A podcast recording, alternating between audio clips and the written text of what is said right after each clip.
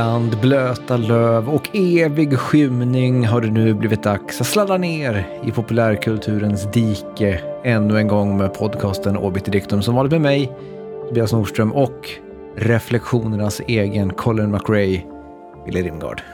Hallå, Colin McRae. Det är en fin refer- referens. Körde i och för sig inte i diket så ofta kanske, eller? Nej, det tror jag inte. Han, det, är väl, det är väl någon form av rallylegend va? Jo, det är väl det. Alltså, det är väl också så här, jag vet inte hur det är för dig, men jag hade ju inte känt till Colin McRae om det inte var för att han hade en hel spelfranchise eh, uppkallad efter sig. Eh, han blev någon slags posterboy för, för eh, racergaming på sent 90-tal känns det som. Ja, det med att fronta med en enda, en enda person gör man inte så mycket längre i spelsammanhang. Tiger Woods hade, var väl golfspelet EA, mm. Electronic Arts golfspel hette väl länge Tiger Woods någonting tror jag. Och Nintendos boxningsspel hette Mike Tysons Punch Out. jag borde ha sagt på tal om att köra diket med Tiger Woods då, men det... Ja. Ja. Mike Tysons Punch Out är ju, är ju, vad ska man säga, patient zero på något sätt känns det som. Mm. Men det, det, finns ju någonting med det här... Eh, den Madden gamla... i och för sig kör, kör väl på fortfarande? Gör den det? Ja, men den, de heter väl fortfarande Madden? Ja, det kanske de gör. Måste ninja-googla. Ja, Madden NFL 24. Jag tänker att det är så här, i USA så finns det ju en lag om att en person måste ha varit död i x antal år innan man får resa en staty eller uppkalla en gata efter den personen. Uh, och det var väl när man i någon slags yra döpte om Cape Canaveral till Cape Kennedy när han blev skjuten och gjorde det typ dagen efter, uh, lite så här rushat. Uh, men då fanns ju ändå kravet på, då, redan då fanns kravet att personen måste vara död.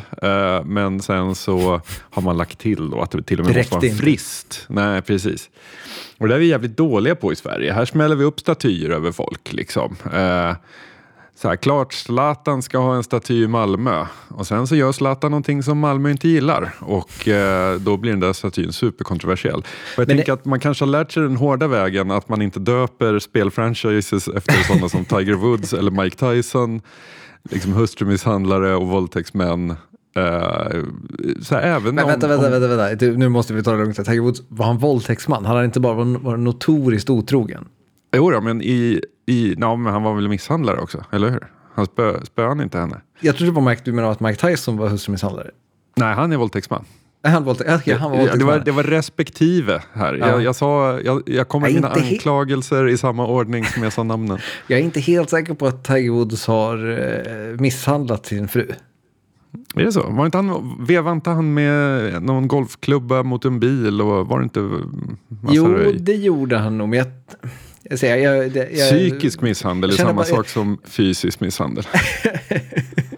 Okej, okay, ja, absolut. Ja, ja. Det, Vill du lägga till ett allegedly här så vi inte får Tiger Woods advokater ja, på oss? det kan vi göra. Jag skulle säga att Tiger Woods lyssnar som tur inte på podden. Nej, men hans svenska fru å andra sidan kanske kan göra det. det Eller hans svenska exfru då. Ja, Fan, jag var med om en så jävla dum grej i... Uh, Vänta, innan du säger det. Jag måste ändå säga, det, det där med att vänta tid på restauratörer, det har ju ändå bitit amerikanerna i arslet. För det har ju varit de senaste tio åren otroligt mycket debatt om att riva ner statyer på massa gamla sydstatsgeneraler och annat. Jo, fast det handlar väl om att resa. Det handlar väl om att man inte ska döpa gator efter folk som sen visas vara arslen. Jo, men jag menar bara att förr eller senare visar sig alla vara arslen, oavsett hur länge jo, du väntar. Jo, absolut. Och det finns väl någon trygghet i det också? jo, i. Alla, alla är bara dudes och dudettes. Det finns, ingen, uh, det finns inga goda människor. Um, och jag försökte vara en god människa i veckan uh, och beställa en Eh, Eh, beställa böcker. Eh, jag gillar ju att ha min referenslitteratur i, eh, i fysisk form. Eh, och jag, jag, grejen är så här att jag trodde att jag var över det här Förr om åren kunde jag vara så här nojig över så här, vad sitter jag och läser på tunnelbanan till exempel. Hur ska folk döma mig för mina böcker? Numera så är jag så här.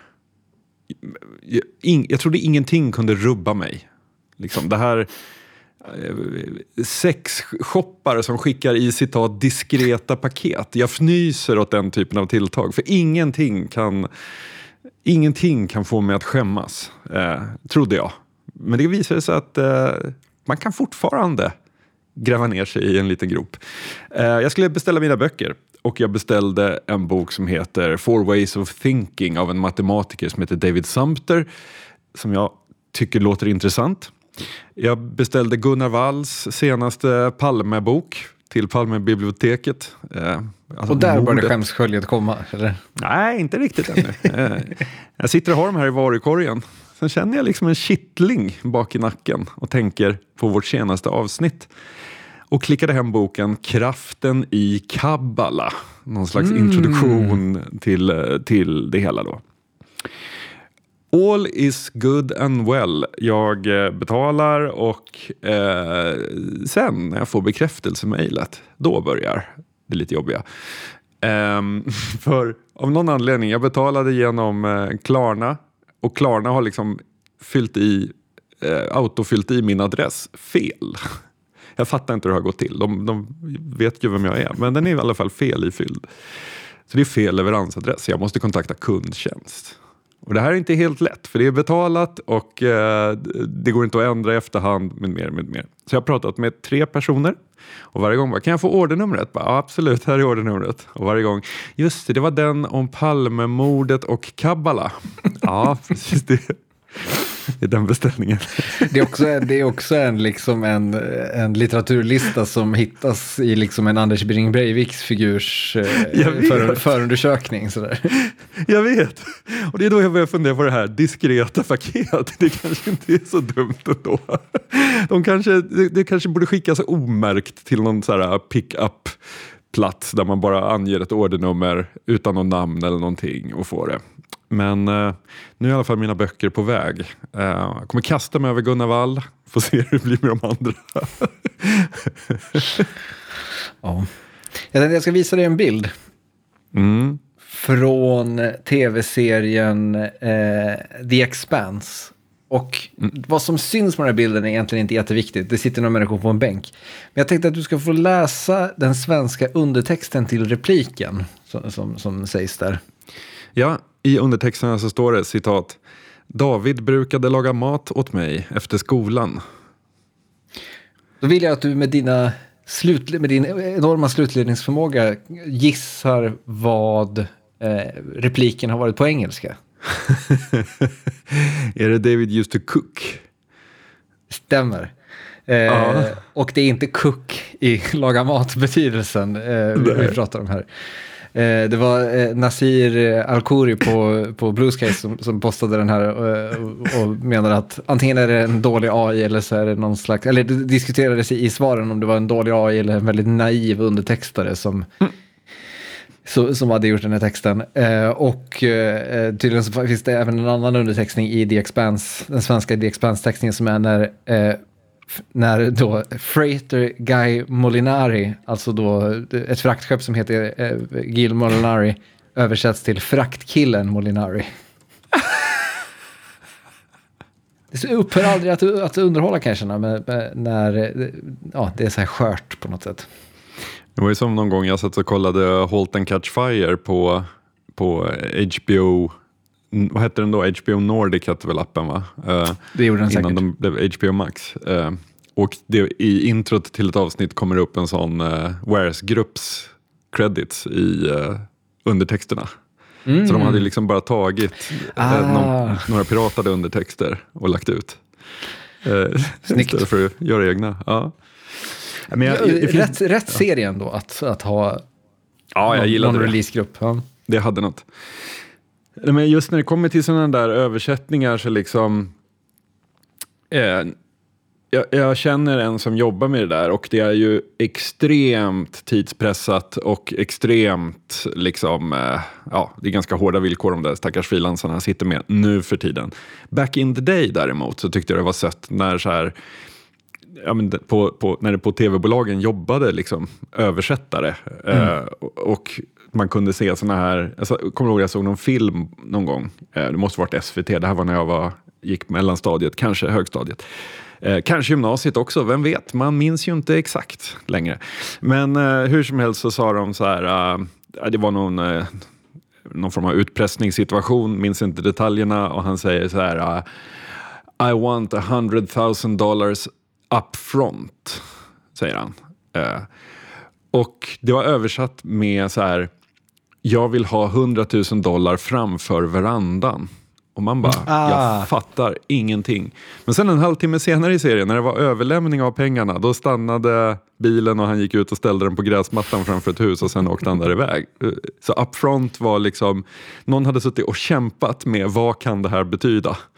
uh, och uh, kanske gav den engelska ordboken som fanns till hands inte svaret i förskott utan bara liksom, ja, framför någonting. Så att hen hade väl fortsatt titta på filmen, sett den här scenen och bara ah, it all makes sense. Eller det är nästan en sån där översättning som, alltså den, den, den blir nästan bättre. Eh, alltså för det, framför verandan skulle kunna vara, man tänker att det är som ett litet slanguttryck för i förskott. Det. Just det. Eh, ja. Klassikern som jag tror vi har nämnt förut i podden är ju också i Apocalypse Now. Eh, när den här surfkillen i början av filmen Eh, sitter och vils, vilset på sin surfbräda där i, i vattnen utanför Kambodja någonstans och tittar vilset omkring sig och säger till någon av sina soldatkumpaner att eh, You know that last acid tab I was saving? I dropped it. Och den svenska textningen lyder Du vet den där sista syratabletten jag hade sparat? Jag tappade den en, en, hel, en hel värld av betydelse förlorad på, på så många sätt. Ooh, ja. Hörru du, jag har hittat en snubbe. Jag älskar genast den här människan. Uh, och jag förstår är, inte. Är det någon varför... som går på händer igen nu? Ja, men det hade man Det är inte långt ifrån. John Bentink, Fifth Duke of Portland. Uh, ska vi prata lite om. Uh, föddes 1800. Det här är inte en incident, men det är, det är en kantboll att det hade kunnat vara eh, mm. en incident. Eh, om det bara fanns... Jag skulle säga att hela han kanske är, verkar vara någon slags incident. Föddes 1800 i London, gick bort 1879. Eh, han var en av nio, nio barn eh, och hans far var ju då eh, såklart the fourth Duke of Portland. Så vi pratar högadel här. Eh, när han ehm, han fick, när 1854 så eh, gick hans pappa bort och han blev Duke of Portland. Eh, och han fick ett plats i House of Lords. Men han var extremt ointresserad eh, av politik. det blandade han sig inte i. Däremot så var han mer intresserad av Welbeck Abbey, familjens stora gods. Jag vet inte vad den tekniska termen är, men tänk dig ett sånt riktigt schabrak till engelsk landsbygds högadelsäte. Liksom. Det där är alltid funderat på, Abbey, eh, det har väl också någonting med kyrkan att göra? va? Det låter ju som det. Jag tänker Westminster uh, Abbey och sånt där. Ja, uh, skitsamma, det är inte, inte viktigt. Jag, jag, tror att det var så här att uh, det låg på högadeln att bygga den lokala kyrkan. Så att de ofta låg i anslutning till deras uh, stora, stora gods. Då, liksom. Och här då så han satte igång ett par gigantiska byggprojekt på den här marken. Bland annat så byggde han eh, över en kilometer mur som persikor skulle kunna eh, växa mot. Eh, han byggde ett enormt ridhus, 121 meter långt, 33 meter brett, 15 meter högt, eh, upplyst av 4000 eh, gaslyktor. Eh, stallen höll 100 hor eh, horses, 100 hästar, men han var inte så intresserad av att rida, så de användes inte. Eh, senare när rullskridskor blev populärt så eh, installerade han en rink i det där eh, stall, eller ridhuset istället och uppmuntrade sina anställda att åka mycket rullskridskor. Men det som är mest spektakulärt är hans hus, för han han eh, slängde ut möblemanget ur alla rum utom fyra stycken som han bodde i. Resten av rummen la han in parkett i och målade helt rosa. Eh, så att hela det här stora huset var liksom bara rosa och eh, tomt. Men under jord, där händer det desto mer. Eh, hans pappa, som, bara av den här meningen så tror jag att han kan också kanske vara en lirare. Eh, hans pappa var övertygad om att det skulle bli eh, brist på ek. Så han hade planterat hundratals ekar för länge, länge sedan. Eh, de här så hög John Bentink ner och använde för att Eh, bygga ett stort underjordiskt komplex av rum och tunnlar under eh, Westbeck Abbey. Eh, Welbeck Abbey. Eh, och tunnlarna ska totalt ha varit 24 kilometer långa eh, och det, bland annat fanns det en ehm, stor danssal. Eh, och där var det liksom där hade de till och med hissar ner så man skulle kunna köra ner hästekipage så folk skulle kunna kliva av under jorden. Eh, och även här var allting då målat rosa. Eh, men eh, dans, eh, det här dans, eh, the ballroom användes aldrig för han arrangerade aldrig några danser. Eh, men där fanns också ett 76 meter långt bibliotek och ett eh, observatorium med stort glastak. Och han hade en order om att det alltid, alltid skulle finnas kyckling på rosten eller på en sån, över den öppna elden. Eh, och så hade de specialbyggt små värmehållarvagnar så att hans personal skulle kunna servera honom den här varma kycklingen nere i tunnlarna var han än befann sig. Och jag kan, eh, han hade ju ingen familj eh, och, och sånt, eh, men alltså jag kan känna så här, John Bentinck, fifth Duke of Portland, eh, som i slutet av 1800-talet anlägger det här enorma eh, underjordiska systemet. Jag har aldrig hört talas om honom. Och jag tycker det är sorgligt att en sån ambition inte ekar ner gen genom generationerna som inspiration och pepp. Men är han inte bara en kille? Alltså som så ena dagen är det en ny idé som ska förverkligas och sen nästa gång är det en ny hobby. Är alla, alla känner ju en kille som är så här typ, rätt vad det börjar med biljard och köper biljardköer för flera tusen och liksom börjar hänga i någon biljardlokal. Och sen nästa, två år senare, då är det liksom ljud. Nya ljudsystem, det är liksom guldpläderade kablar, det är, det är någonting nytt att sätta sig in i. Jag, jag, känner ju att du subtweetar lite här i och med att det är bara två dagar sedan jag höll på att städa i mitt förråd och hittade min gamla snokerkö och tänkte fan det här borde man ju sälja. Den kommer jag aldrig jag, använda igen. Det var en subtweet till någon men det var inte en subtweet till dig. Nej, men jag känner mig lite träffad. Okay. Kanske är det också därför jag gillar John Bentink, Fifth Duke of Portland. Men, det, men eh, det, det, ja, det är ju imponerande på något sätt. Det hade ju liksom så här, det, hade varit lite mer spännande om det var liksom det enda han byggde. Det, det förtas lite av att han gjorde massa andra saker, att byggde den här, det här ridhuset och allt det där. Eh. Du menar att det är snarare ett tecken på dille snarare än eh, en, en, en underjordisk kabal som ja, skulle men lite så. Hade, koka ihop liksom, något? Hade han ägnat sitt, sin livsgärning åt underjordiska gångar, då hade han varit en väldigt intressant figur. Då funderar man, vad är det frågan om? Men i, i, din berättelse om honom här så gissar jag att efter de underjordiska gångerna så var det någonting annat som gällde. Just det. Precis. Men, det, men jag gillar också, men alltså, det finns ju ändå någonting med det här tycker jag att han tömmer hus, alltså, alltså att huset står tomt och rosamålat. Det uh, har någonting definitivt. Och sen tycker jag att jag inte riktigt har fått tillräckligt mycket information om hans far där som var övertygad om att det skulle bli brist på ek. det känns som att man vill ju veta mer om just den saken.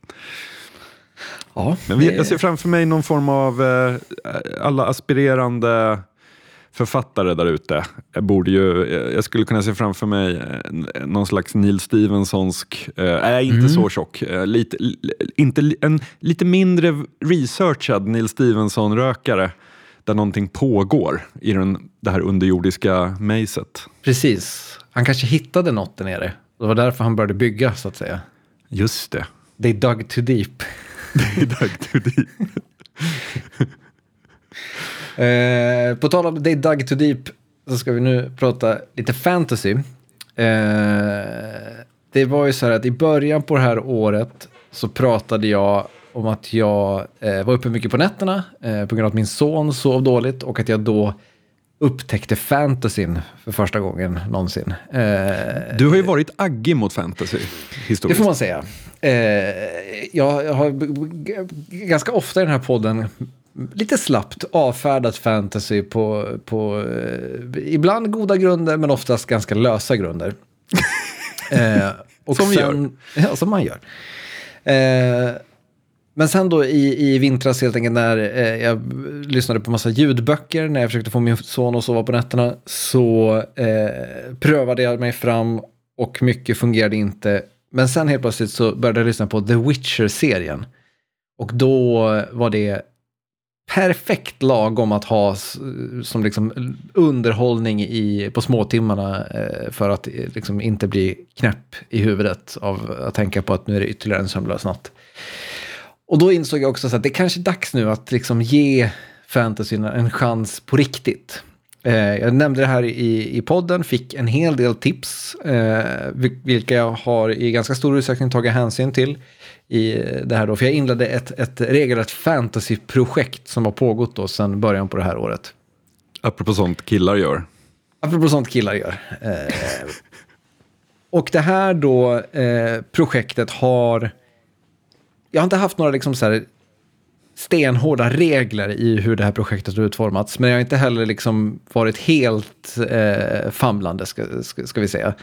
vad, vad eh, ville du själv uppnå med det för egen del, med att gå in på det sättet? Det, det jag ville uppnå var liksom att få dels en, liksom så här, en djupare bara erfarenhet av fantasygenren, men också att på riktigt ge den en chans. Alltså se, eh, alltså jag har liksom inte bara valt första bästa skitböcker utan försökt hitta de som faktiskt ses som liksom bra, som uppskattas av både läsare och kritiker för att liksom se vad har den här genren att erbjuda mig? Eh, jag har också liksom blandat en hel del i, i vad det är, men eh, vad heter det, försökt hålla det ganska liksom renodlat fantasy. Alltså försöka sortera bort eh, liksom subgenres och, och, lite sånt. Eh, det, det, har förekommit en del subgenres eh, i läsandet, men, eh, men, men i största möjliga mån liksom försöka komma tillbaka till arketyperna, om man ska säga. Alltså liksom det som på något sätt är, ingen kan argumentera för att det här är något annat än fantasy, så att säga. Mm.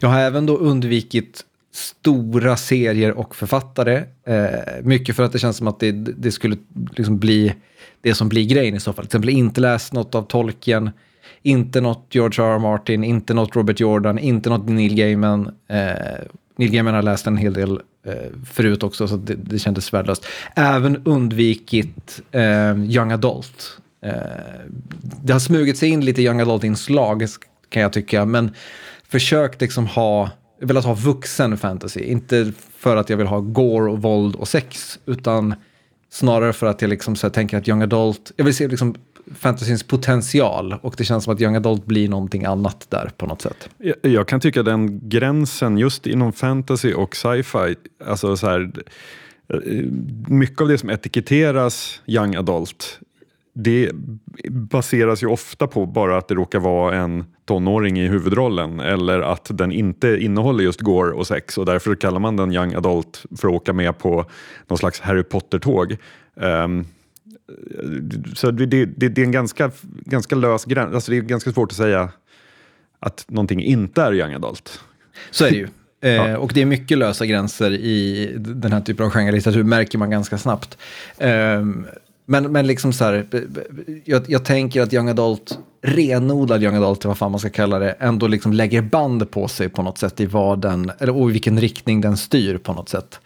Mm. Eh, och det, det, är väl det jag snarare har försökt liksom und, undvika, det, eh, så att säga. Eh, och sen min sista liksom grej som jag har försökt styra eh, mot, eller vad man ska säga, det är att försöka hålla det ganska modernt. Jag har gjort några undantag, men, men liksom så här, det har funnits någon slags underliggande ambition med att ändå ha, få ett grepp om liksom samtida fantasy, vilket har lett till att eh, så när som på typ två eller tre böcker har alla kommit efter millennieskiftet. Eh, mm. Och de flesta även efter 2010. Eh, och det har totalt då blivit 20 stycken böcker. Eh, det har så här i efterhand blivit eh, för många Brandon Sanderson-böcker. Det var även Brandon Sanderson som ni som lyssnar tipsade om överlägset mest. Eh, mm. det, det, var väldigt många som tipsade om Brandon Sanderson. Eh, fyra av de här 20 böckerna har innehållit drakar. Mm. 13 har innehållit regelrätta trollkarlar, alltså något slags mage eller wizard. Eh, samtliga har lästs på engelska. Eh, och samtliga böcker har även haft något slags magiinslag av, av, i, i olika former kan, kan vi säga. Och på tal om mm. olika former och Brandon Sanderson så har jag även hållit lite koll på den här uppdelningen mellan soft magic och hard magic. Oh, berätta vad den definitionen är. Ja, Brandon Sanderson kom ju liksom på den. Och den är, precis som alla, alla annan typ av så uppdelning så är den ju inte liksom absolut, saker går, i, går in och ut i varandra. men ett sätt att liksom bara se på hur magi funkar i fantasygenren, där man då gör en tydlig liksom uppdelning. Och där är då hard magic, det är magisystem som har tydliga regler som på något sätt förklaras eller utforskas och ibland både och. Medan då soft magic är mer magisystem som helt liksom saknar regler eller vars regler på något sätt är höljda i dunkel. Tänk liksom Sagan om ringen, eh, mm. soft magic. Man, man, det är liksom så här, Gandalf gör magi, men du har ingen aning om var han drar sin kraft ifrån, vilken potential han har, vad som går att göra, vad som inte går att göra och så vidare. Och så vidare. Mm. Eh, och i det här då så har jag, när jag har räknat efter, så har 13 av de här 20 böckerna varit soft magic, 6 har varit hard magic, en har varit omöjlig att placera, eller man ska säga. Eller den har liksom innehållit båda delar, växlat lite och varit ganska svår, svårbestämd. Eh, och det kan man säga, det, några till av böckerna har också varit lite så här, flörtat lite både med soft magic och hard magic. Men det, jag skulle säga att en av dem har varit eh, verkligen både och. Så för att då lite snabbt gå igenom då de här 20 böckerna, jag kommer inte dra någon handling eller någonting, men bara som en liksom innehållsdeklaration så att ni som sen ska, mm. ska skjuta ner mina tankar om fantasy vet vad det är jag baserar de här grejerna på. Eh, och jag tänker att jag ska göra det så snabbt som möjligt så att det inte blir en lång rabbling av, av titlar. Eh, är att... Du, du, kanske kan skriva dem i avsnittsbeskrivningen också så slipper eh, folk DMa mig på Instagram och fråga efter listan. jag ska göra det. Um, jag började då helt enkelt med Witcher-serien uh, av Andrzej Zap Sapkowski. Och den skulle jag säga är soft magic med vissa avvikelser. Det går att diskutera. Magin i det här universumet skulle jag säga är soft magic. Sen finns det vissa övernaturliga inslag, eh, alltså saker som inte funkar på ett sätt som de funkar i vår värld, som ändå eh, har ganska tydliga regler. I den här serien då så läste jag eh, The Last Wish, Sword of Destiny, Blood of Elves, Time of Content, Baptism of, of, Fire och sen så började jag läsa The Tower of Swallow, eller Swallow, men den läste jag aldrig klart för där någonstans tröttnade jag på The Witcher-serien. Ska sägas också att här lyssnade jag på alla böckerna på ljudbok. Här är vi fortfarande i eh, uppe på natten-fasen så att säga. Mm-hmm. Sen då på grund av alla tips från Oddpod-lyssnare så tog jag mig an den första Mistborn-trilogin av Brandon Sanderson. Eh, och nu snackar vi Hard Magic. Eh, det, det, det, här, och det här är verkligen min första, eh, den första gången jag upplever Hard Magic på, på det här väldigt Hard Magic-sättet. Eh, magin i eh, The First Mistborn-trilogin funkar som så att de som utövar den gör det genom att äta små mängder av olika metaller och så kan deras kroppar sen eh, smälta ner de här metallerna, eller eh, alltså inte smälta som i värme, men deras mat, matsmältning på något sätt kan, eh, de kallar det att de burnar de här metallerna och när de gör det så aktiveras olika krafter. Eh, i den här, den här trilogin är The Final Empire, The Well of Ascension och The Hero of Ages. Jag läste The Final Empire som bok, eh, jag lyssnade på The Well of Ascension som ljudbok och jag läste The Hero of Ages som bok. Sen i våras var det dags för The First Law-trilogin eh, av Joe mm. Abercrombie. Som jag skulle säga definitivt är soft magic. Det är väldigt så otydligt vad det är för typ av magi, hur den funkar. Den håller ehm. dessutom på att ta slut ja, i världen. Verkligen. Ja. Eh, den är precis som i, i Sagan om ringen, ganska, man ser den ganska sällan, magin. Eh, mm. Och jag, på många sätt skulle jag säga att First Law-trilogin nästan är som en... Jag, jag, upplevde väldigt mycket, nu var det väldigt länge jag läste Sagan om ringen-böckerna, men att den kändes som någon slags nästan dekonstruktion av Sagan om mm. ringen. Eh, I att så här, om det finns något slags hot som vaknar. Det finns eh, en, liksom en, en hjälte i linje med Aragorn eh, som istället är en, en rå, ännu mer råbarkad vilde som är liksom knäpp i huvudet emellanåt och som går bärsärkagång och så vidare. Det finns en, en Gandalf-figur eh, och så vidare. Men allting är liksom, en dekonstruktion av Sagan om Ingrid är att allt är liksom mörkare och smutsigare och i den andra boken finns en lång trek, ett långt, långt quest som mynnar ut i ingenting och så vidare. Um, och de här deras böckerna då... Deras Gandalf är mest intresserad av att tjäna pengar. ja, men typ. Eh, de här böckerna då läste jag som bokserie allihopa. Och sen så läste jag den första delen i The Locked Tomb-serien av Tamsin Muir. Tror man uttalar hennes namn så. Och den här, det är den här då som jag menar är någon slags mitt emellan Hard Magic och Soft Magic. Den, in, den bygger mycket på eh, necromancy. Eh, och där finns det då ganska tydliga regler i hur det här funkar. Men sen händer massa grejer i boken som är betydligt mycket mer eh, knasiga, speciella och som inte alls följer någon slags regler överhuvudtaget. Eh, första boken heter Gideon the Ninth. Eh, som jag stora delar under läsningen tyckte var skittråkig och sen när jag läste klart den ändå var ganska sugen på att börja läsa tvåan. Så någon mm. gång kanske jag läser, fortsätter plocka upp den serien igen. Efter det så var jag då typ, ah, kände jag, man kanske måste ha någon klassiker med. Eh, mm. började, började vackla. Eh, och det var då jag plockade upp den första delen i Earthsea Cycle av Ursula K. Le Guin. Eh, den första boken heter A Wizard of Earthsea. Och här snackar vi 100% soft magic. Eh, mm. Det beskrivs lite grann i hur, hur, magin fungerar, men det är inga tydliga regler och det finns absolut ingen inga begränsningar i princip i vad magin eh, tillhandahåller. Men tyckte mycket, väldigt mycket om den här boken. Eh, och det här tror jag verkligen är en sån bok, du pratade om det här med uppdelningen young adult och inte young adult. Här tror jag verkligen är en sån bok som av vissa ses som en, liksom en ungdomsbok men absolut också kan liksom vara en, en, bok för vuxna, skulle jag säga. Jag kände att så här, hade jag läst den här när jag var ung, hade jag läst den här när jag gick på gymnasiet, då hade jag liksom så här, visdomen som finns i den här boken, 80 procent av den hade liksom gått mig helt förbi. Eh, för den ja. sa, det, det var definitivt den av alla böckerna jag läste som sa mest om livet eh, på, på, ett, på många väldigt fina sätt tyckte jag. Ja, härligt.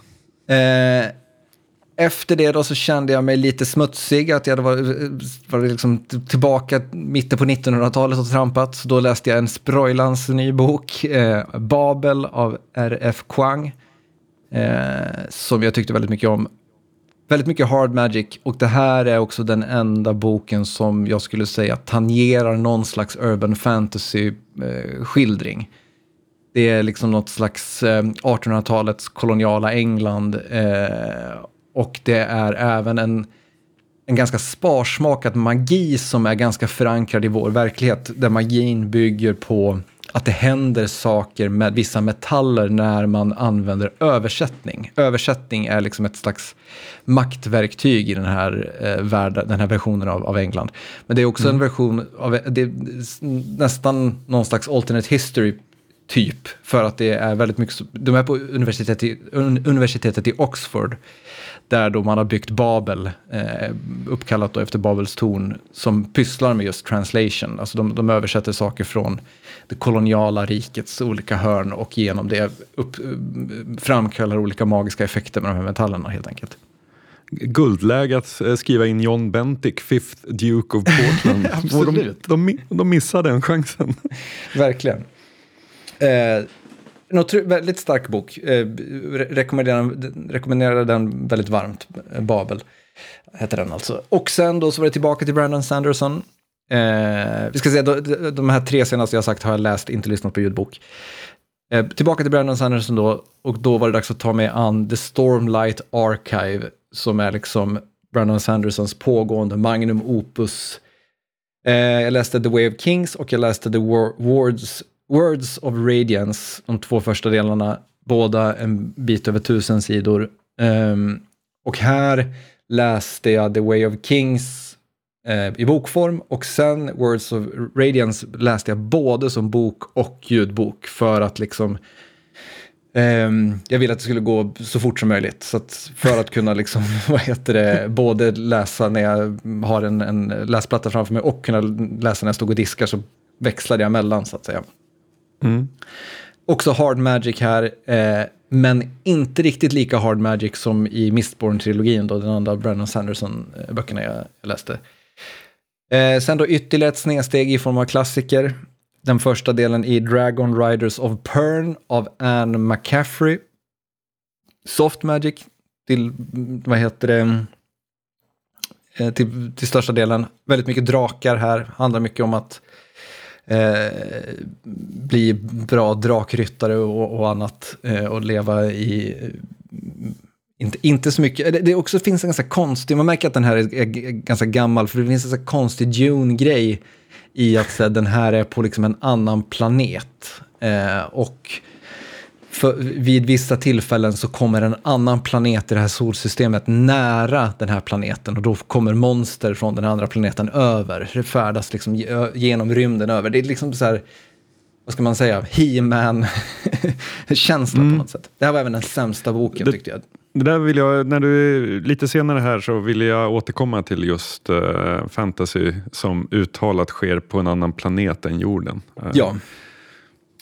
Eh, de sista två böckerna då är, den, den första är Gentleman, eh, första delen i Gentleman Bastard-trilogin, eh, eller är det en trilogi? Jag tror det är en trilogi. Eh, den serien i alla fall, av Scott Lynch. Eh, Dragon Riders of Perm ska sägas Soft Magic, och det är även Gentleman Bastard böckerna Soft Magic och överlag väldigt lite fokus på magi överhuvudtaget i uh, Gentleman Bastard. Den första boken då som jag läste heter Lies of Lock, The Lies of Loch Lamora.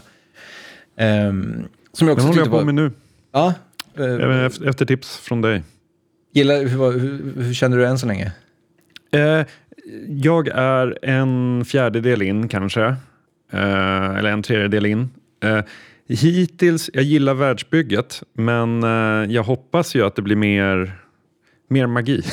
Mm, mm. mer, det, det, det, är ett härligt uh, porträtt av tjyvraskkvarteren uh, än så länge. Men uh, jag hoppas på att det blir lite mer åka av än att uh, stjäla kopparpengar av statsvakten. Det kommer. Mm. och man kan också, det, det, jag tyckte väldigt mycket var stora behållningen med Lies of Loch Lamora var, jag tycker dialogen var otroligt kul och liksom, eh, liksom så här snärtig utan att bli för underfundig på något sätt. Alltså rapp men ändå ganska vresig och elak och liksom, ja den var kul. Sist då så har jag läst eh, The Name of the Wind, eh, den första delen i King, The King Killer Chronicle av Patrick Rothfuss som också är Soft Magic. Eh, den är också en del i en tilltänkt trilogi. Den första boken, Dame of the Wind är det första, den första boken.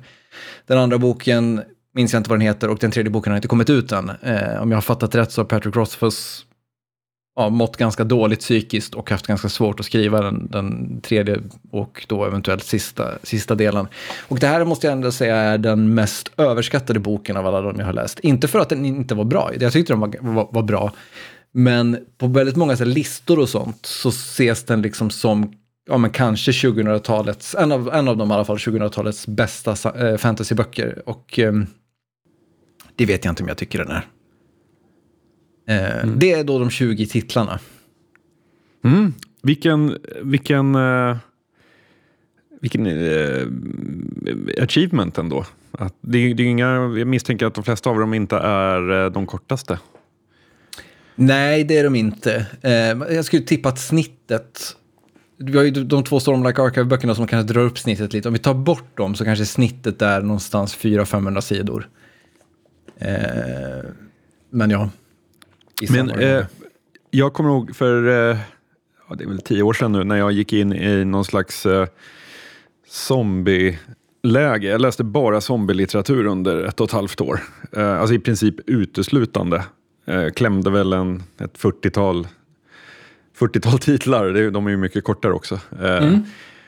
Och efter det så kände jag att jag eh, aldrig någonsin ville läsa en zombierökare eh, igen. Eh, nu är zombie, alltså man har inte så jävla mycket, alltså antingen börjar historien ett par år efter the big zombie outbreak eller så börjar den ett par timmar innan. Mm. Eh, och narrativet blir ju oftast väldigt lika varandra oavsett vilken du väljer. Eh, men Eh, man har ju definitivt större chans till mer variation inom fantasy, men hur känner du nu? Eh, liksom tanken att lyfta upp en ny fantasybok?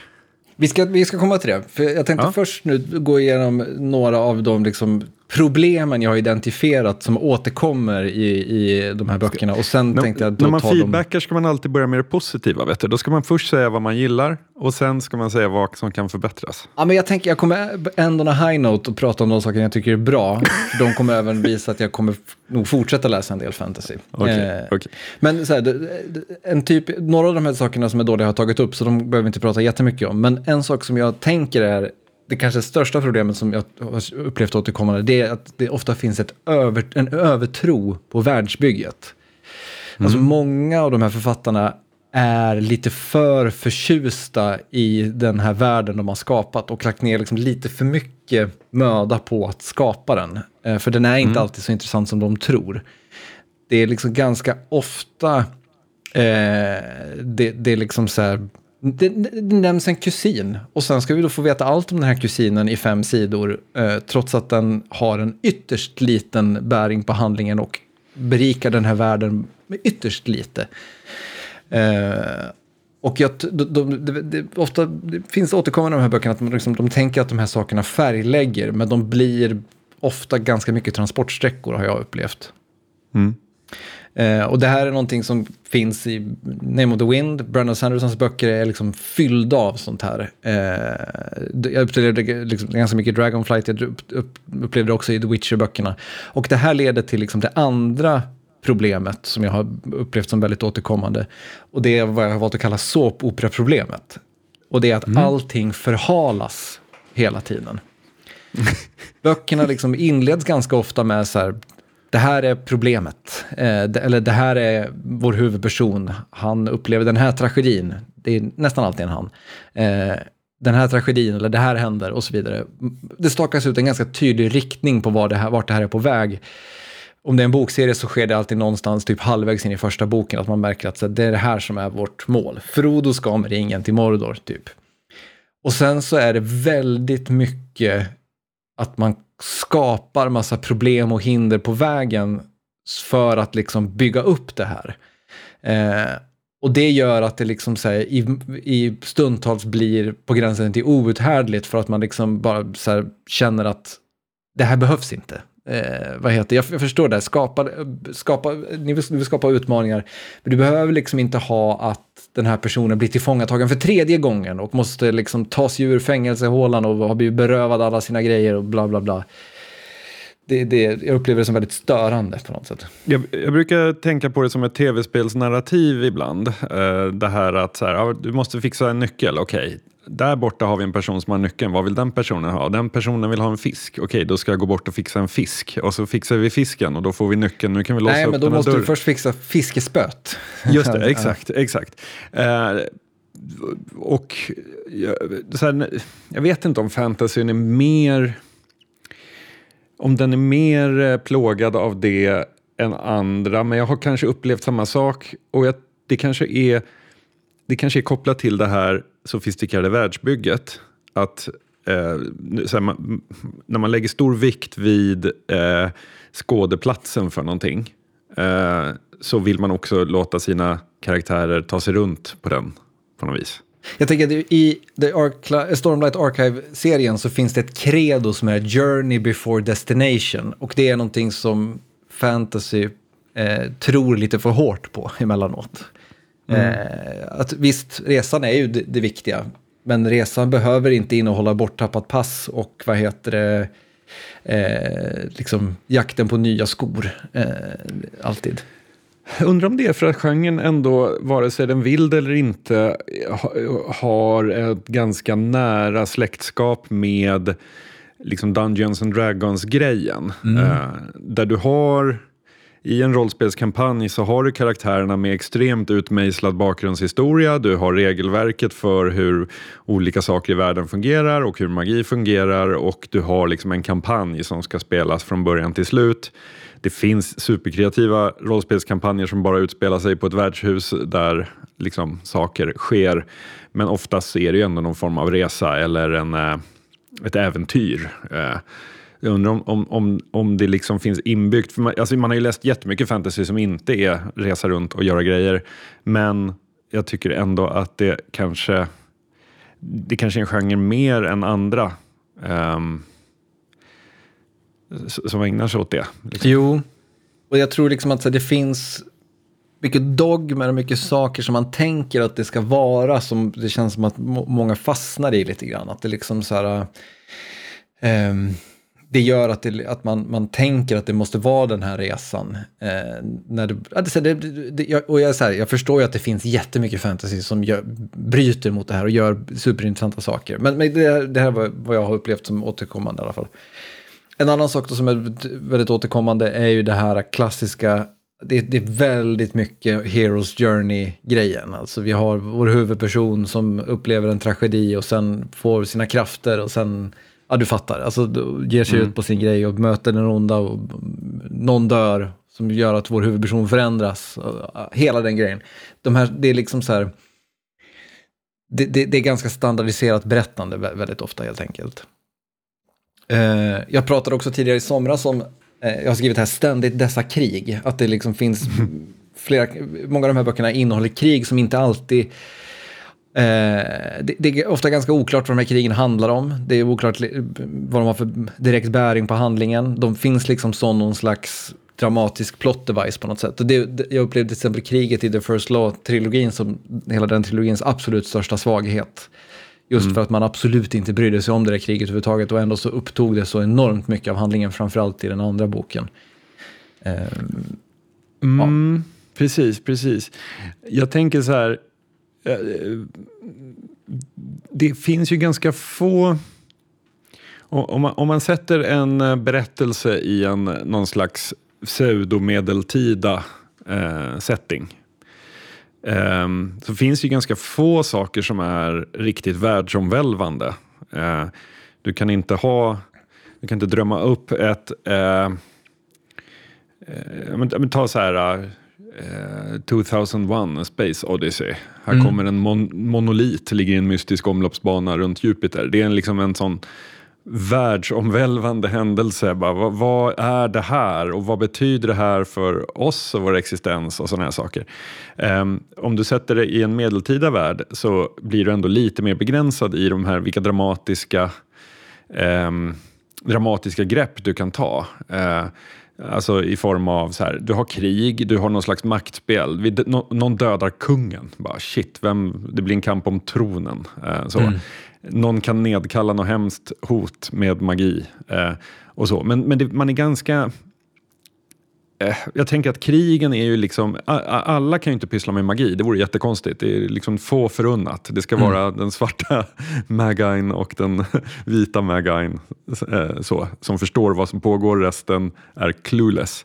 Eh, så att de vanliga människorna i deras liv, för, för att de ska ha någon konflikt eller hot eller sånt, så tänker jag så här att ja, man kan höja skatten på mjöl och folk, folk går hungriga. Liksom. men men det, det, det, det, kan ju vara en sån sak kanske, att det är en ganska... Jo, absolut. Och jag har liksom inget emot att det finns krig i de här böckerna, men krigen måste liksom ha, spela någon roll eller ha liksom en tydlig insats eller ha... Alltså så här, Stormlight Archive-böckerna kretsar väldigt mycket runt krig. Och där är jag helt med, därför att det är det som på något sätt är konflikten som är intressant. Alltså vad som kommer hända, vad kommer bli utfallet av det här kriget. Eh, och, och då, då, är jag helt med, men i The Witcher där liksom kriget pågår som någon slags eh, parallellhistoria mer eller mindre. Eh, och, och, och, liksom så här behandlar de massa länder som man skiter fullständigt i när man bara vill veta hur det går för Geralt och Siri typ. Eh. But, uh men grejen är så här, jag tänker att som du sa, First Law, du gillar inte kriget där. Och så här, nej, det är inte det mest spektakulära kriget, men jag tänker att i First Law-trilogin så är ju kriget där bara för att adeln ska ha någonting att göra. Mm. alltså så här, mm. var, varför, varför startar vi krig? Jo, dels för att några tjänar väldigt mycket pengar på det och dels för att några liksom vill eh, använda all sin svärdsträning som de får för att fördriva dagarna med någonting. Eh, och dra på sig en fin uniform och rida längst fram för att det är ärofyllt. Alltså det handlar ju bara om folk som vill vill putsa på sina egna rykten snarare än att kriget spelar någon roll. Så där, ty där tycker jag ändå att det liksom fyller en funktion i att det är meningslöst. Jo, kanske. Eh, jo, kanske. Eh, de två sista sakerna jag har på, på negativa saker då, det är den, mest, den största, min största överraskning var att jag gick in i det här och var helt säker på att hard magic, det kommer vara min grej. Mm. Eh, det, det, det, där jag kommer hitta min, min liksom tjusning för fantasy och det blev verkligen tvärtom. Mm. Eh, för det jag insåg ganska liksom snabbt och som jag sen kände nästan i alla skildringar som innehöll Hard Magic var att det stora problemet med Hard Magic är att det väcker många fler frågor än det besvarar. ja. Alltså du uppfinner de här reglerna och någon slags eh, begränsning, du kan göra så här mycket. Men problemet är att det väcker bara ännu fler frågor för att man börjar fundera på, fast varför då? Eh, och, och, vad händer om? Och så vidare. Alltså det är liksom hela den här... Man, jag kommer att tänka på det här, när första Iron Man-filmen hade premiär, då gjorde Wired ett reportage om varför Iron Man aldrig skulle kunna finnas i verkligheten och allt landade hela tiden i att det går åt så mycket energi att göra alla saker som Iron Man gör. Eh, att en, en dräkt skulle liksom aldrig kunna innehålla så mycket bränsle. Det, det, skulle liksom, hela dräkten skulle bara vara bränsle i princip. Mm. Och det är saker som man direkt landar i de här, så fort då magin ska ha någon slags förklaring, är så här, fast okej, okay, om så, hur inte detta, så att säga, blir man, börjar man direkt fråga sig. Eh, Just det. Ja, men för det är nästan så här, det, det, det, jag uppskattar ju det väldigt mycket i eh, Sagan om ringen. Nu vet jag, eh, jag vet att jag har sagt det här förut i podden, eh, men det, jag tycker den är, som berättargrepp tycker jag ändå att det är extremt bra. Det här att man fattar att Gandalf närmast är gudaliknande. Han, han, han, är liksom, han har sådana krafter eh, att vi knappt kan förstå vad han skulle kunna göra om han släppte lös dem. Men man fattar också att det, kom, det finns en konsekvens. Det är outtalat. Det är liksom inte så att han säger jag kan inte göra så här för då, det skulle innebära det här och det här. Uh, men man fattar att han använder krafterna motvilligt. För att det, det, det, There's a price to pay. Exakt, exakt. Och det gör ju att man köper det här att två små hobbitar måste vandra snarare än att han bara tar och teleporterar dem till Mount Doom. Eller liksom, varför tar inte bara ja, men den klassiska, varför flyger de inte på hans fåglar bara? Eller varför kan inte han bara flyga själv och slänga ringen där? Eh, mm. Så, men alltså magin är så stor och ogreppbar för oss mere mortals att man kan liksom inte komma med den typen av resonemang. Det är som att säga så här, varför, varför krigar varför krigar vi i världen? Är det inte mysigare att ha fred? Mm. Alltså, så här, det, det, en så, blir en sån korkad grej att säga. Så här, ja, det är klart det är så, men så här, saker är inte så enkla. Um, och det, det, nu vet jag inte om jag liksom rakt av kan dra någon referens till någon hard magic-bok jag har läst, för jag är inte, jag är inte den, världens största fantasyläsare.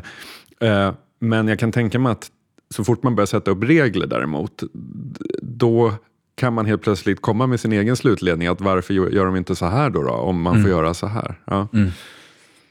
Och sen den sista grejen då som är negativ, det, det har jag också nämnt i podden, men jag vill ändå dra ett exempel och det är namnen. Uh, det behöver inte vara på det här viset. Uh, ett, ett, ett, tydligt exempel är Stormlight, Stormlight Archive-böckerna.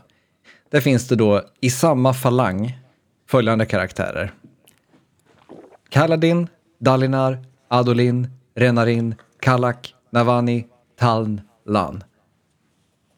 Alltså mm. att, att liksom så här, innan man får in snitsen på vem som är vem, så är det liksom så här, det, det, är bara ett onödigt jävla kämp för att göra saker komplicerade. Och så här, jag fattar.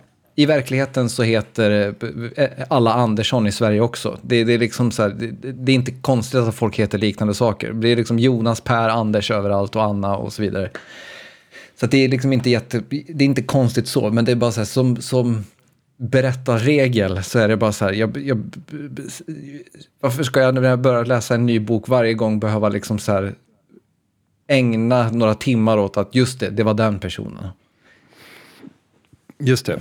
Jag bara stämmer på det. Jag, hade någon, jag har haft någon sån slags eh, Alla böcker som börjar med en personförteckning och det är liksom 60 namn där. Eh, det, det är lite skakigt. Ja, och det får gärna vara många och många, karaktärer, men all, de behöver liksom inte rimma och heta samma sak. Det be, allting behöver inte vara Hobbit-scenen när det är Bombir och Hombir och allting. Ja. Eh, de bra sakerna då. Eh, Nu är det många för- som sitter och kokar. Bara, Ja, exakt. Det var därför jag började med de dåliga sakerna. Mm. De bra sakerna då. Och det, här, det är lite motsägelsefullt då, för den första saken är karaktärer. För grejen är på något sätt att Heroes Journey-grejen, den funkar ju också. Det, det, är, det, det är det som är det fina på något vis. Så att, eh, det här året då med de 20 fantasyböckerna, jag har liksom brytt mig om karaktärer i betydligt mycket större utsträckning än vad, än vad jag gör när jag läser exempelvis science fiction, som att det är vi Ja. ofta jämför med. Det, det är liksom så, här, så mycket mer mänskliga och intressanta figurer som befolkar de här böckerna än, än i, i science fiction-litteraturen. Ja, de begraver sina föräldrar och sen ber de sig ut i världen för att lära sig något om sig själv. På, på något vis. Ja, men, ja, lite så, men, men att det liksom så här, det, det är en styrka som, som liksom så här, de här böckerna, eh, som jag har fastnat mycket för de här böckerna. Att det, det, det, det, det är nästan ingen av de här böckerna, har, har, när jag har läst klart dem, har jag känt att jag sket fullständigt i alla i den här boken. Eh, utan nästan alla har på något sätt lyckats få mig att, att bry mig om huvudpersonerna. Och det, så har jag absolut inte känt med alla, fantasy, eller science fiction-böcker jag har läst.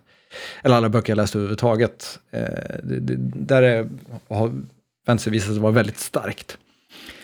Eh, och den andra bra grejen då, som också är lite motsägelsefull, det är att de här böckerna är fyllda med liksom fanservice och starka payoffer. För den här, liksom så här produkten som kommer av såpopera-problemet, förhalningen, det, är ju, det går ju inte att komma ifrån att det är ju ofta då väldigt eh, tillfredsställande när olika payoffer kommer. Eh, det blir liksom starkt när man liksom har gått och väntat på någonting väldigt, väldigt länge och sen händer det.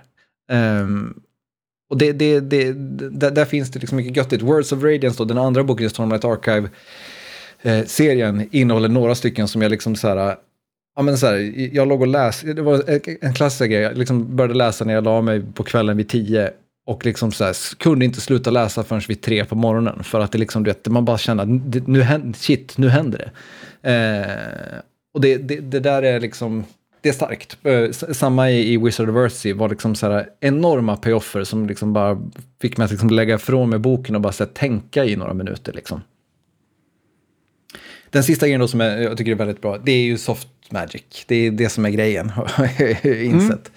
Och om så bara för att så här, alltså, som du är inne på när du pratar om, om Sagan om ringen-grejen, att här, det finns liksom möjligheter till mysticism och till liksom en, en mycket större värld där som är oerhört intressant. Och där som jag var inne på tycker jag First Law-serien är ett jättetydligt och bra exempel, där magin är liksom mörk, mystisk, otydliga motiveringar och så vidare. Det, det gör att världen blir mycket, mycket rikare eh, och mycket mer intressant.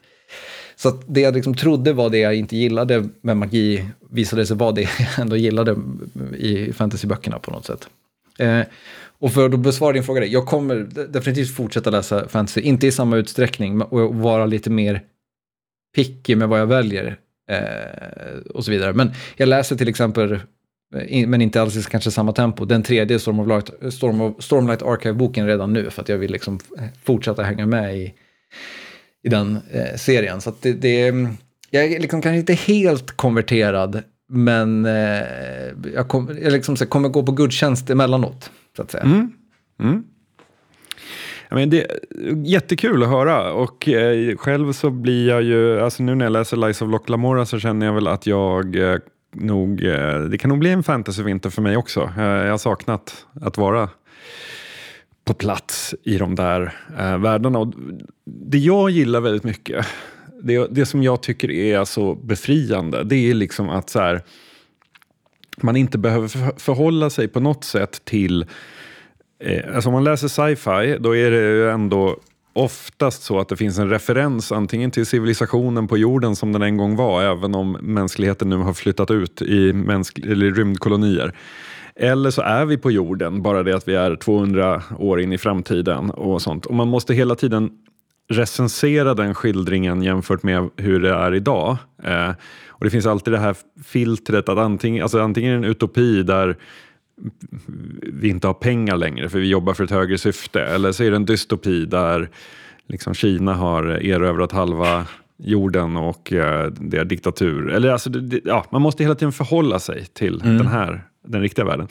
Men det som är så härligt med fantasy det är att man behöver liksom inte förhålla sig till så här, jordens 1600-tal eller 1500-tal eller någonting sånt och man behöver inte inte recensera rimligheten i olika grejer utan det är bara så här, det är, det är ett mänskligt universum med de konflikter och synder och eh, girighet som mänskligheten har. Men det är i en, en helt, parallell, mm. en helt parallell dimension eh, där eh, mäns mänskliga civilisationen utvecklar sig på ett annat sätt och där det för all del kan finnas icke-mänskliga varelser också.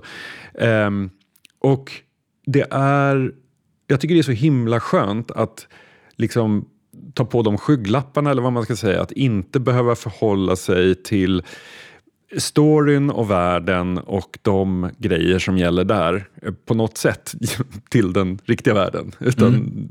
den existerar i en helt separat uh, tidslinje. Det tycker mm. jag är mm. jätte, jätteskönt. Uh, kan man, man, kan engagera sig i de konflikterna, och som du säger, de karaktärerna och deras liksom resor eh, utan att välja sida eller utan att... Eh, ja, man kan bara götta sig i det på något vis. Mm. Ja, och jag tror att jag har liksom eh, i mitt avfärdande av fantasy underskattat hur fängslande det där skulle vara. Och jag tror att det inte hade varit lika fängslande om jag liksom hade läst eh, ja, men liksom hade läst Tolkien eller läst eh, vad heter det, George R. R. Martin eller Robert Jordan. För jag tror att då hade jag liksom haft på mig helt andra glasögon. Eh, med en massa förutfattade meningar och grejer. Det var liksom bra att jag har läst saker som jag inte vetat någonting om överhuvudtaget eh, när jag har gett mig in i det. Um, och jag håller med om att det liksom, så här, den styrkan ligger verkligen i det, i det skapistiska. För det, det också min fördom har liksom varit att, så här, att det som är värdelöst med fantasy, att det inte är tankeväckande. Eh, mm. Och istället har jag liksom landat i något slags i att så men styrkan i fantasy är att det inte är tankeväckande. Eh, Just det. Utan att det, det är liksom spännande berättelser. Liksom. Men du var inne på en sak där, den här världen som eh, kretsar i rymden och eh, ibland kommer nära en annan planet mm. och sånt. Om det finns någonting som verkligen får mig att totalt tappa sugen så är det just när man uttryckligen säger att det här är på en annan eh, planet. Eh, det finns ju, eh, det finns ju viss, eh, viss sån här dying earth-genre där vi har en fantasyvärld som utspelar sig på jorden fast lång, långt, långt efter att vår civilisation är borta. Liksom när, ja, när vår civilisation har gått under och, och nästa civilisation eh, kommer, träder fram liksom, eh, i deras medeltid. Den köper jag. Men just det här när man har en fantasyvärld med sin magi och sina troper från fantasyriket men uttryckligen säger att det är eh, ute i rymden. Eh, jag vet inte vad som händer där. Jag bara blir totalt opepp. Förmodligen för att jag rycks ut ur den här jag vill inte, jag vill inte behöva fundera på så här, aha, fin, alltså så här, kan den här världen möjligtvis finnas där ute på en planet samtidigt som jag sitter här? Mm. Jag vet inte, det blir liksom snett i mitt huvud. Och jag kommer ihåg, jag läste en, jag har ju läst väldigt mycket aliens litteratur ju, äh, senaste året och då så läste jag en bok som heter Phalanx äh, där då äh, aliens har kommit lösa på en medeltida planet så.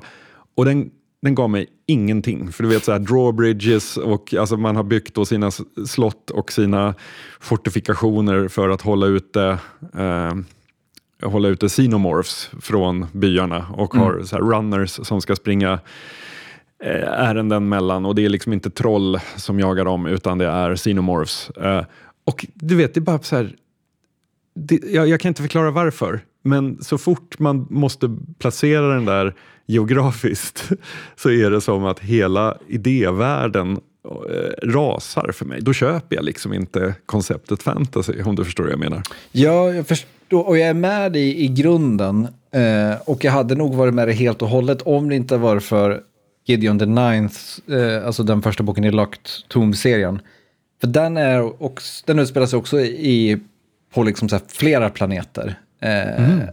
Och då, där är det mycket mer någon slags kosmisk fantasy på något sätt. Alltså, ja. det, det, det, det görs väldigt lite grej av att det är i rymden överhuvudtaget. Det skulle liksom tekniskt sett säkert kunna vara eh, bara olika riken typ. Men, eh, och boken liksom, kanske svagheten i boken är att den duckar lite för vissa av de här grejerna, hur de reser mellan planeterna och så vidare. Men, eh, men det finns snarare liksom en, en så här, eh, en tanke om att så här, det, det, det där hotet där ute på något sätt som ska bekämpas i form av någon slags magiska gudar och annat blir lite mer intressant på något sätt. Eh, i, i, den världen åtminstone. Alltså jag, jag, jag menar bara så här, jag säger inte att det, det räddar allt, men det, det där tycker jag det funkar ändå på något plan. Eh, och som sagt, jag tror jag kommer säkert läsa fler delar i den serien just för att det liksom så här fanns eh, intressanta aspekter av det. Men jag håller verkligen med att det finns, alltså jag kände när jag läste eh, Dragonflight Alltså det kändes så jävla gammalt och lökigt. Just liksom så här, verkligen mm. så Dune-grejen. Eh, och jag vet att jättemånga gillar Dune, men det finns liksom någonting i det där som är eh, ja, men ganska ointressant på något sätt. Mm. I, i liksom rym, rymdgrejen. Du läste ju de, du valde där, det var de sto, många stora, dra, stora drakarna, no pun intended, så det var ju lite så här Eh, om man ska lägga liksom ett kriminallitteraturfilter över så kanske det var lite Camilla Läckberg, eh, de, de, stora. Liksom. Eh, kan man tänka sig att det finns spännande små indie... Eh, alltså, i, i, i, fantastiken brukar ju vara så att de stora också är de bra, men, men kan det finnas eh, precis som det finns fantastisk kriminallitteratur av någon eh, excentrisk person någonstans som inte alls har ett Instagramkonto. Eh, på samma sätt kan det ju finnas eh, smal liten nisch fantasy. Eh, mm. som, som kan man tipsa om om man vill, eh, om, om den finns. Jättegärna. Eh, och sen, eh, man ser ju väldigt tydligt på Goodreads att fantasy verkligen är Alltså om man tänker att metal i musikvärlden är genren där all, alla ger all fullt, allt fullt betyg hela tiden så är ju fantasy verkligen det i litteraturvärlden. Fantasy-fansen, liksom, alltså så många av fantasyböcker har liksom så här 4, 200 000 ratings, 4,6 i, i snitt och man bara säger den här boken är max 3 av 5. Eh, så det, det, det, det, gör det liksom lite svår, svårnavigerat. Och jag har ju liksom gått på, jag har ju liksom försökt ta flera tips som jag fått av lyssnare i, i åtanke, men också liksom kollat vad har vunnit priser, vad har varit kritikerrosat mm. för att få, försöka få liksom, jag försöker hitta liksom, vad är det bästa den här genren har att erbjuda lite grann. Mm. Eh, och, och, ja, slippa, ba, slippa vada genom möget på något sätt. Tack för uh, genomgången och jag blir lässugen. Det är ju alltid en, uh, en skön känsla. Mm. Jag tror vi får skjuta däremot på eh, vår sci-fi-cirkel va, till nästa gång. Ja, den får stå åt sidan. Eh, uh-huh. Men det innebär ju bara att ni som hänger med den får ju två veckor till på er att läsa en läckis, eh, The Long Game, eh, som är nästa del. Jag får nog läsa om den så jag kommer ihåg den, men det var den värd. Mm. Spoiler alert. Ja, mm. Bra. Ja, vi, eh, och vet, vet, du vad då? En annan, eh, apropå läsa om, så var det så här. Förra veckan så gick vi ut på Halvstorms Tysta kyrkan. Eh, men i vår tid av aggregerade musiktjänster och saker som laddas upp och ska godkännas och publiceras och så vidare så blev det nog fel. Den, det gick inte att få ut den när vi trodde. Så att den här fredagen, när det här avsnittet släpps, då kommer den. Så vi kan väl köra en repris på den också. Så ja, allting, absolut. Så blir allting rätt och riktigt. Ja. Eh, stort tack till alla er som stöttar oss på Patreon. Eh, gör du inte det redan så gå in på patreon.com oddpod och bidra med det du har möjlighet att göra. Det är det som gör att den här podden lever vidare. Eh, en bit över 300 avsnitt och kanske snart 400 avsnitt. Mm. Tack för oss. Vi hörs. Det gör vi. Ha det fint i din andra röst. Den som rör sig bort. Det är maj igen. livets andra vår. Välj en bättre väg, en som tar dig fram. De flesta av oss här stampar samma mark. Vind och källare, packa dina steg. Gå dem närmare, nära var livet blev. Hör dina söner, hur de kommer åt dig. Röster som bär, som sjunger, som låter. Lyktor i ditt mörka, namnen riktig stund bland